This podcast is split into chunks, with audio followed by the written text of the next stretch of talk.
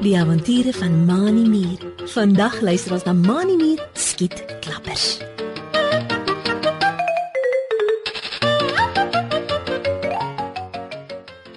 Een oggend vroeg, net nadat die son uitgekom het, hoor Mani Mier iemand roep by die tuinhekkie voor sy rooi muurhuisie.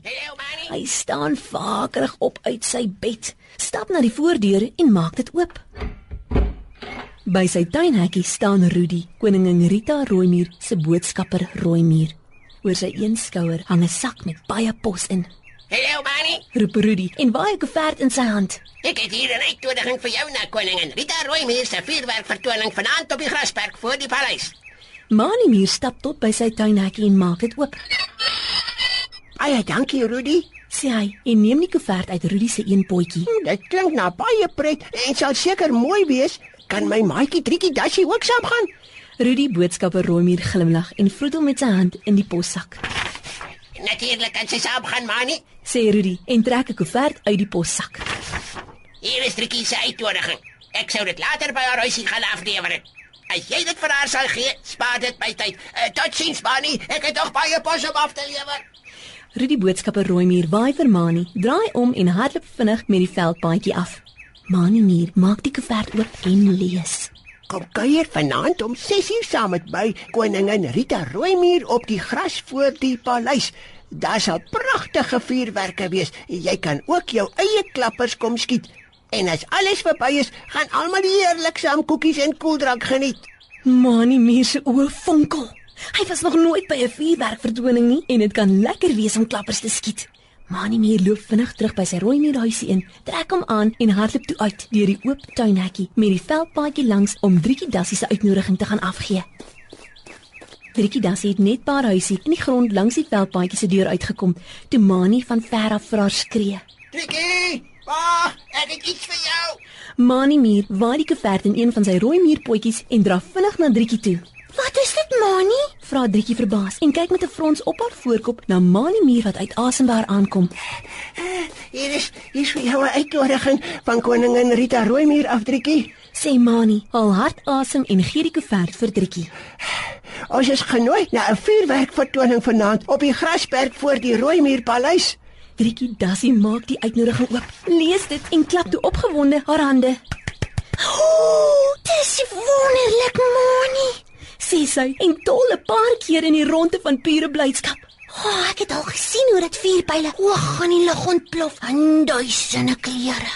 Daar is ook klappers wat jy teen 'n paal vasmaak, dan draai hulle al in die ronde terwyl 'n vuurster agteruit spuit. Mani Muur staan met groot oop oë en luister na wat Driekie sê. Hy dink in sy verbeelding hoe mooi die vuurwerkvertoning kan wees. Driekie Dassie kyk weer na die brief wat in die koevert was. Ons moet vanaand sessie by die paleis wees, Mani. Sê sy en draai terug na haar Dassie huisie in die grond. Ek gaan gou my klere was en stryk. Kom haal my so teen om 06:30. Dan stap ons saam. Mani Muur skud sy kop en terwyl hy na sy rooi muurhuisie stap, sê hy oor sy skouer: Ek maak so, Trikkie, moet net nie laat wees nie. Ek wil niks mis nie. Toe dit 06:30 die aand is, staan Mani al reeds by die voordeur van Driekie Dassie se huis. Hy trippel ongeduldig op sy ses rooi muurpotjies rond.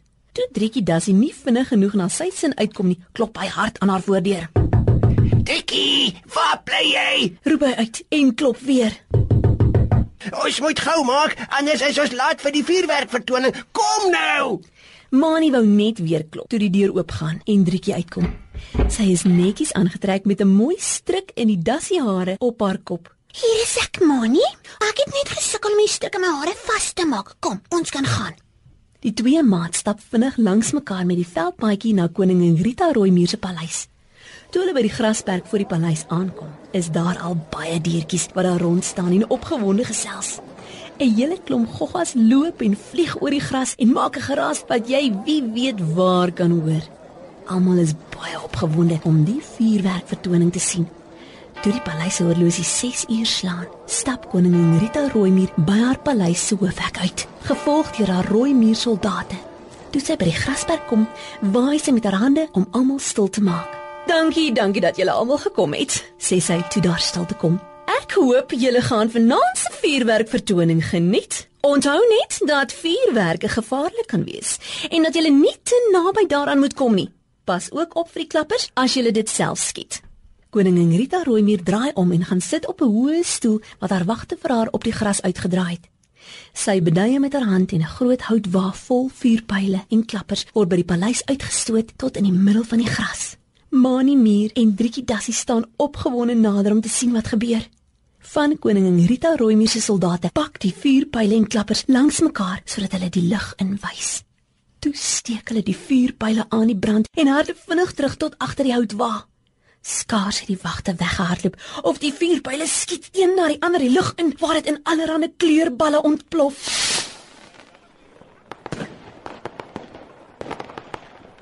Al die diertjies en goggas klap hulle pote en vlerke. Dis baie mooi, Driekie. Roep Mani muur uit en hardloop na waar daar 'n tafel staan met klappers daarop. Kom, ons skiet ook 'n paar klappers. Mani muur koop 'n paar klappers by een van die koningin se wagte. Hy kry ook 'n houer met vuurhoutjies om die klappers aan te steek. Driekie Dassie staan agter Mani toe hy een van die klappers probeer aansteek. Mani sukkel om die vuurhoutjie te laat brand. Toe hy vir die soveelste keer die vuurhoutjie teen die kant van die houertjie trek, skiet daar skielik 'n vlam uit en steek die klappers in sy hand aan die brand. Dit is die een harde knal gelyk op die ander. Mani skrik so groot dat hy die klappers in die lug van hom af weggooi. Driekie Dassie skrik net so groot en gee 'n paar tree terug. Die klappers wat Mani aan die brand gesteek het, maak allerlei draaie in die lug en tuimel toe reg op Triekie af. Pas op, Driekie. Roep Mani en probeer haar uit die pad stamp van die brandende en skietende klappers. Triekie Tassie sien wat gebeur en spring vinnig eenkant toe. Maar voordat sy heeltemal uit die pad van die vallende klappers kan kom, tref een haar skrams teen die strikkie in haar hare. Die volgende oomblik voel Driekie hoe dit die strikkie aan die brand slaan en haar kop vel warm word. Help! Roep sy benoud. My kop gaan brand. Mani Mier sien 'n tafel waar die koningin se soldate water in bottels verkoop. Hy gryp een van die bottels, draai die prop af en gooi die water oor die brandende strikkie op Driekie se kop. Gou-gou is die vlammetjie dood en stoom trek uit die strikkie en Driekie se hare. Mani maak die gebrande strikkie los, trek dit van Driekie se hare af en gooi dit weg. Die twee maats het groot geskrik. Hulle gaan sit op die grasperk met harte wat vinnig klop. Ek dink vuurwerk is gevaarlik, Moni. Sê Driekie en kyk in die lig op waar daar nog vuurpyle ontplof. Mm, miskien moet ons maar ver daarvan af wegbly. Mani Mier skud sy kop. Ek het my les geleer en gaan nie weer klappers skiet nie. Ek is jammer dat jou strikkie gebrand het, Triekie. sê hy en gooi die res van die klappers en vroutjies in 'n asplek ter naby. Kom, ons sit net hier en kyk hoe dat die koningin se soldate die vuurpyle skiet. Dan is ons veilig.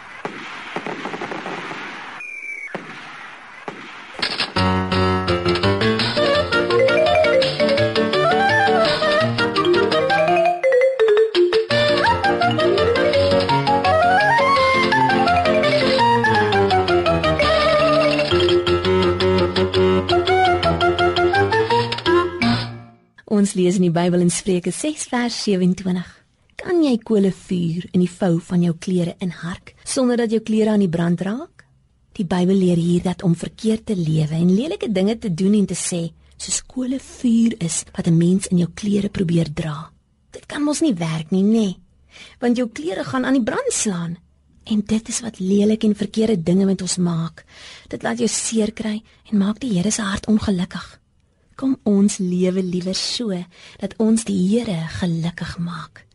Tot volgende week wanneer ons weer saam kuier vir nog 'n avontuur saam met Mannie Muur. Totsiens.